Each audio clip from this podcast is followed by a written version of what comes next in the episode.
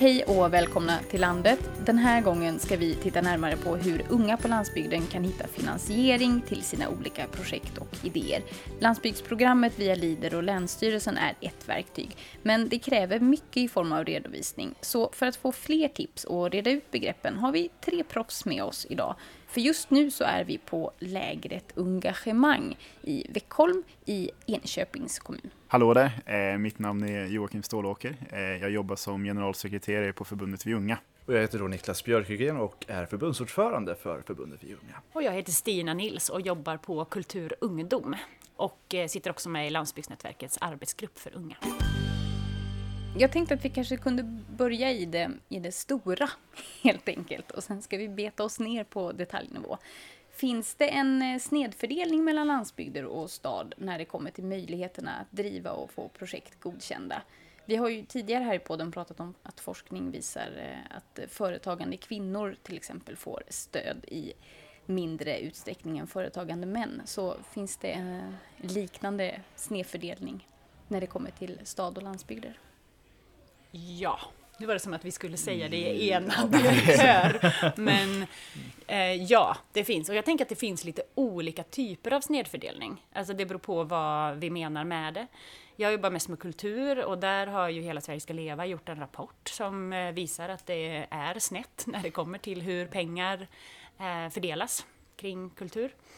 Det är väldigt, väldigt snett. Eh, Nästan alla en, pengar går till eh, en stad en i stad. detta land. En, en huvudstad. En huvudstad. Mm. Så det, det finns ju absolut en snedfördelning, men jag kan också se att inom kommuner så centraliseras alltid pengarna. Det är mm. alltid i centrum de landar. Så att både liksom i det nationella, på nationellt plan och på lokalt plan så finns en snedfördelning, upplever jag. Mm.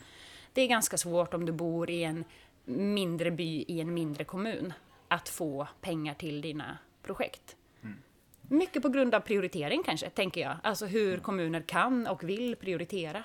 Och det där är väldigt spännande. Alltså, om, man, om man tittar på, på till exempel, nu är vi i Enköpings kommun. Eh, om, man, om man tittar på liksom så här, hur ser fördelningen ut på hur man bygger upp den här infrastrukturen kring kultur, kulturella eh, eh, ändamål. Och då ser man ju liksom så här, här i Enköping så, så sker, det ju liksom, sker det investeringar just inom kulturområdet på på nästan, eh, ja det är säkert uppemot en miljard. Det bygger badhus, kulturhus, det bygger så sporthallar, massa saker händer. Men allt detta är ett stenkast från varandra.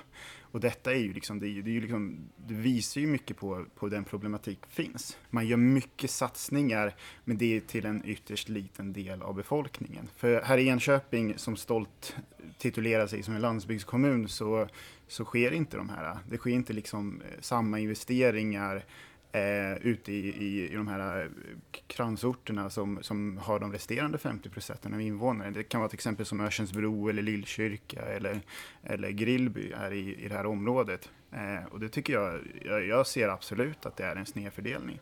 Jag tänker att det handlar, förlåt, men jag tänker att det handlar både om antalet personer, att det mm. finns en bild av att här finns fler personer, ja. vilket är sant. Alltså det finns, det är fler personer som bor i tätorter. Mm. Så.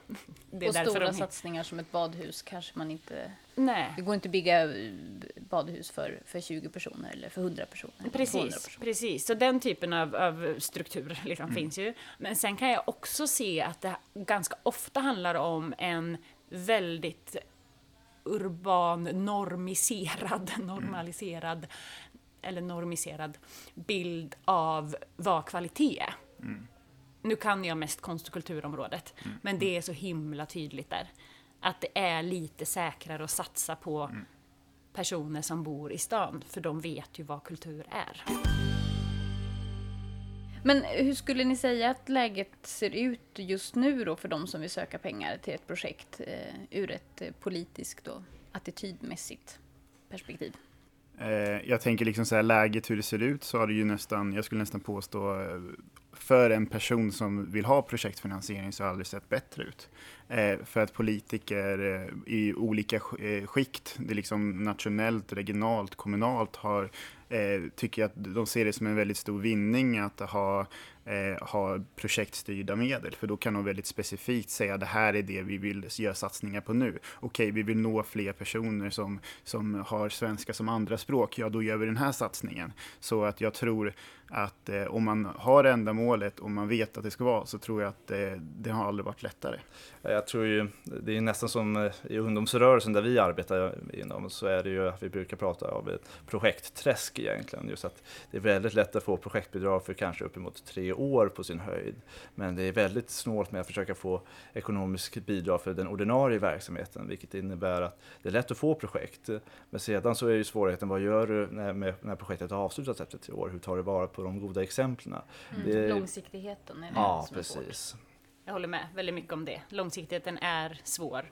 Men jag upplever också att det är en stor skillnad i faktiskt vilka som kanske känner sig inbjudna till att söka de här projektmedlen. För jag håller med, jag tycker inte alls det är svårt att hitta eh, var jag kan söka medel. Det går ganska snabbt för mig att göra det om jag besöker en kommun.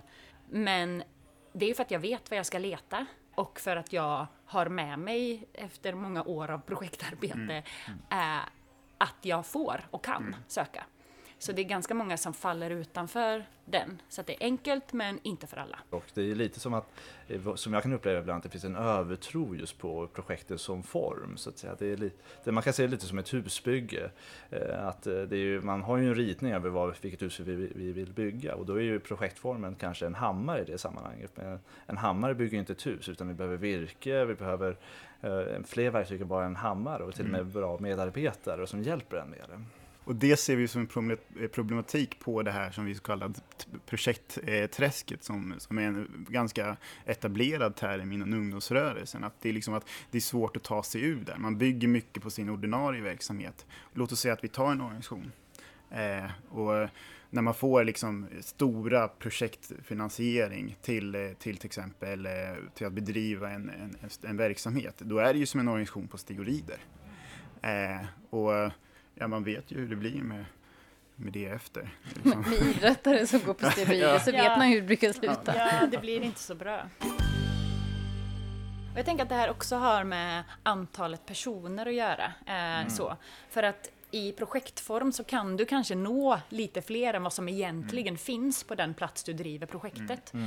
Men det skapar inte det hållbara. Liksom. Och för att få medel, det märker jag med många, alltså i den stora organisation som jag jobbar mycket med i Västra Götalandsregionen, så de räknar ändå huvuden. Liksom. Och då räknar de med samma mått i Tranemo som i Göteborg. Eh, och det är såklart ohållbart. Men de får inte ut lika många streck liksom, på Tranemo som på Göteborg. Och det är ju, eh, det vet jag vi har tjatat om jättelänge i den här i landsbygdsrörelsen, liksom, att det måste kunna räknas på andra sätt. Och jag tycker, om man ska säga positivt, att det kanske börjar hända någonting, också på kvalitetssynen så. Men det går långsamt. Men någon slags här procentuell eller per capita i kommunen Ja. eller Ja men kanske. ja, andra kanske. mått helt enkelt. Ja, ja, och att det ska vara definierat av platserna. Liksom. För så som det är nu så definieras nästan alla stöd från städer. Så det är med den kvalitets och antalsmässiga måtten som vi, eh, vi kan söka pengar. Och det är ju inte lätt när den är på en mindre ort där så många människor inte ens bor. Liksom. Ja, det är ju också intressant utifrån i samhällsdebatten så hör vi just nu att det finns en väldigt stor växande kritik till det här, när, särskilt när det offentliga går in med olika typer av projektbidrag till ideella aktörer och sådant. Och, eh, och där ser vi nu att de olika offentliga aktörer som, som kommuner, regioner men även på statlig nivå börjar ställa hårdare krav. Och där är det ju viktigt också att ha med sig, jag tycker att det är bra ska ju sägas att det ställs hårdare krav så att det är seriösa aktörer som får finansieringen. Men då ska det heller inte vara sådana villkor som gör att det är bara de som är i tätorter kan uppfylla de villkoren. Så att det mm behöver givetvis hållas en balans. Nu tänkte jag att vi ska koka ner oss här till det lite mer konkreta. För att eh, precis som eh, du sa tidigare här Stina, så vet ju ni var pengarna finns. Eh, och Eh, tanken är väl att eh, alla ni som lyssnar också ska kunna få lite hjälp att hitta de här pengarna nu. Så, eh, för kommuner och regioner och landsting och stiftelser och fonder och Allmänna arvsfonden och Idrottsförbundet är exempel på aktörer som det går att vända sig till med sin idé. Om jag är ung och vill driva ett projekt nu då, vad tycker ni att jag ska börja du räcker upp handen. Ja, om du bor i Västra Götaland så tycker jag att du ska höra med Kultur Ungdom om det är ett kulturprojekt såklart. Vi har en väldigt enkel ansökan som jag använder ganska mycket, eller vi använder mycket som en väg in till att kunna driva och få hjälp och stöd i projektet. Så, um, så det är väl en, eh, en väg just på kulturspåret. Mm. Alltså nu företräder jag förbundet för unga så jag tycker givetvis att man ska starta en förening hos oss och så. Men det finns ju en stor uppsjö av olika typer av ungdomsorganisationer i hela landet som just erbjuder ungdomar att eh, oftast är ni minst fem personer kan ni starta en lokal förening hos ett förbund och då får ni hjälp med att hitta finansiering, hitta lokaler, hitta samverkanspartner. Så att mm. föreningsformer som grund är alltid någonting bra och nyttiga för det öppnar väldigt många fler dörrar oavsett det är till kommunen eller till den lokala bygdegården där ni ska arrangera ett LAN eller vad det nu kan mm. vara. Men om jag inte vet vilka vilka föreningar som finns i min kommun? Ringer jag kommunen då och bara... Har de en lista på vilka föreningar som ja, finns? det har de. Nästan, eller jag tror alla kommuner har ett föreningsregister. Ja. När man arbetar med någonting så tycker jag det är absolut största vikt att man tittar på vad är det för ändamål är ändamålet liksom att vi kanske ska skapa en mötesplats eller ändamålet att vi, vi ska eh, ha ett erfarenhetsutbyte i ett annat land. Det är det som är grunden. Och då kanske det hjälper med att man har en förening, man kanske gör det i Ljunga där det finns, finns bidrag eller andra organisationer. Men det kan också vara att man, man kan titta liksom så här, kan man eh, göra det här genom att man finansierar genom medlemsavgifter? Kan man kolla genom att man kan få, få sponsring från olika företag? Kan man eh, ha någon form av försäljning? Eh, kanske att man säljer fika på, på, någon, på någon mässa.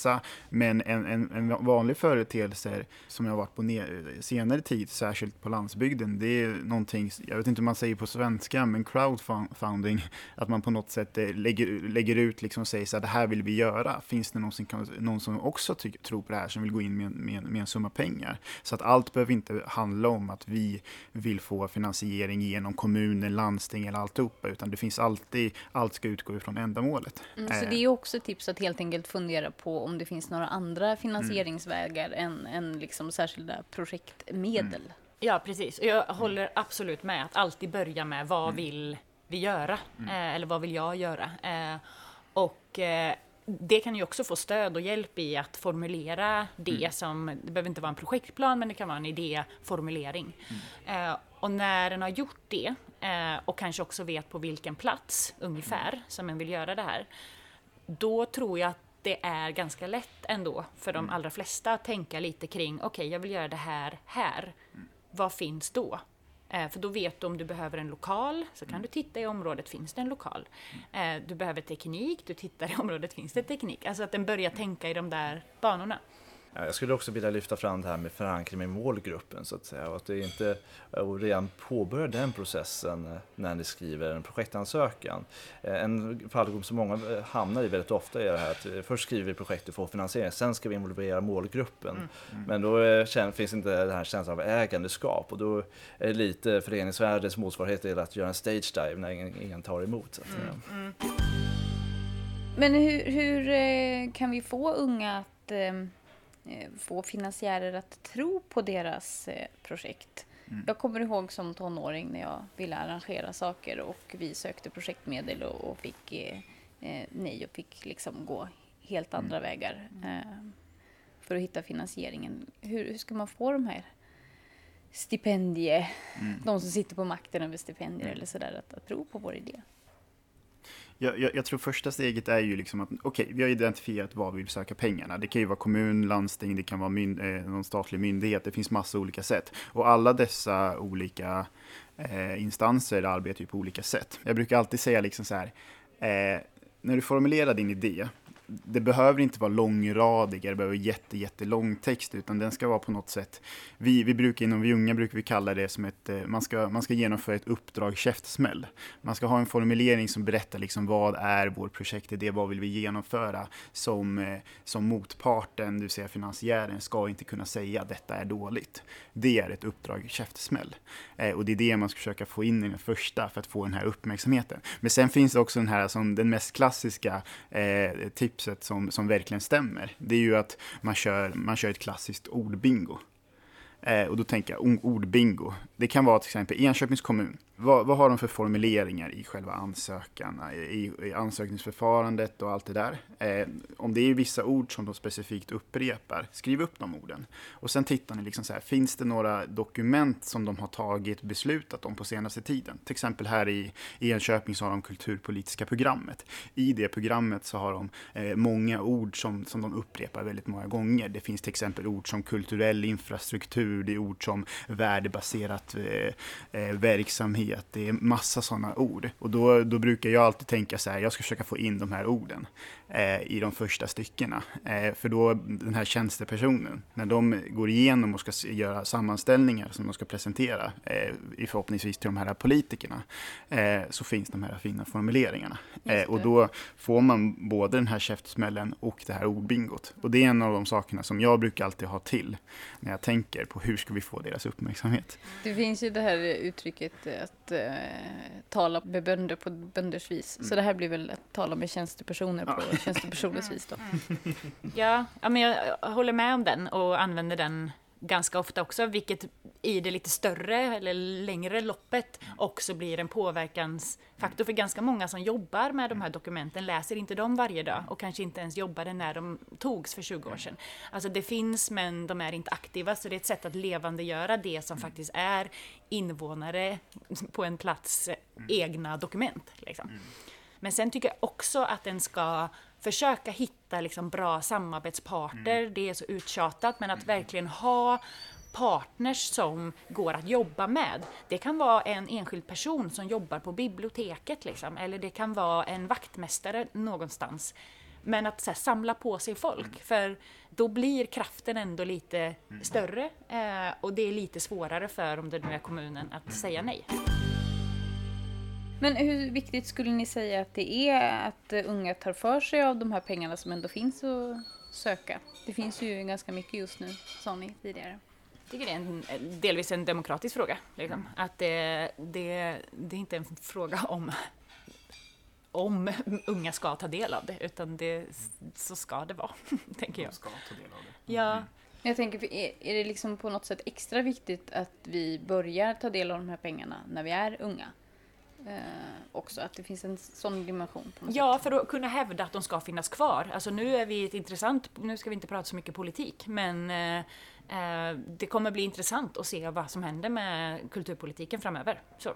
Så jag skulle vilja lyfta fram den här biten också, att just när det kommer till de här projektpengarna som finns då i lite stora överflöd, är ju också att vi, vi unga arbetar mycket efter principen att det ska vara av unga med unga. Och det där det skiljer sig ibland från vissa aktörer, just att, eh, att det kan vara att det är äldre personer eller vuxna personer som arrangerar någonting för ungdomar. Men vi tror väldigt mycket på den här devisen att eh, unga själva med och arrangerar och bygger upp någonting oavsett det är ett LAN i Enköping eller det kan vara en vintersfestival i Uppsala kommun och så, så är det väldigt mm. mycket devisen att om de själva skapar det så finns ett ägandeskap också. Mm. Men också att vi folkbildar ju då de personerna till att vad, som vi, vad de är bra på men även förfina det de kanske inte var lika bra på när de arrangerar sitt första mm. eller vad det nu kan vara. Ja, och där finns det två steg tänker jag. Eller mm. i, för den, eh, Kulturungdom jobbar ju också efter devisen av och med. Mm. Eh, och eh, det finns dels liksom en åldersnorm som säger att du är ung, du vet inte än, du kanske lär dig snart men du får inga möjligheter till att lära dig och så vidare. Och, så vidare. Eh, och det finns den urbana normen. Så att är du ung på landsbygd Mm. så har du liksom två saker att kämpa emot, eller två normer att kämpa emot för att kunna ta del av projektmedel och det mm. långsiktiga. Mm. Jag uppmuntrar också de jag jobbar med i Kulturungdom att fråga varför fick vi inte mm. medel för det här? Eh, för det kan ju faktiskt vara så att finansiärerna har fel och inte att det inte är ditt projekt det är fel på eller din formuleringsförmåga det är fel på utan att de som du ville få pengar från inte har fattat grejen. Och då är det kanske de som ska ändra på sig. så, för det är ganska mycket som är skrivet, mm. som jag har sagt, utifrån ett eh, vuxet, mm. urbant perspektiv. Ja, det finns alltså många sätt för att hitta finansiering för sina idéer. Vi har lärt oss att vi kan fundera på om sponsring eller crowdfunding kan vara lättare än att ansöka om särskilda projektmedel. Och om vi vill söka projektpengar, lägg tid på förberedelserna, sno tankar och upplägg från andra, kör en ordbingo på ansökan och hitta bra personer att samarbeta med. Och glöm inte att fråga varför du inte fick pengarna så du får veta om det var din idé som inte höll måttet eller om det faktiskt är givaren som var alldeles för snäv i sin bedömning. Och så till sist, tro på din idé. Landet är slut för denna gång och jag som producerat heter Ida Lindhagen. Vi hörs!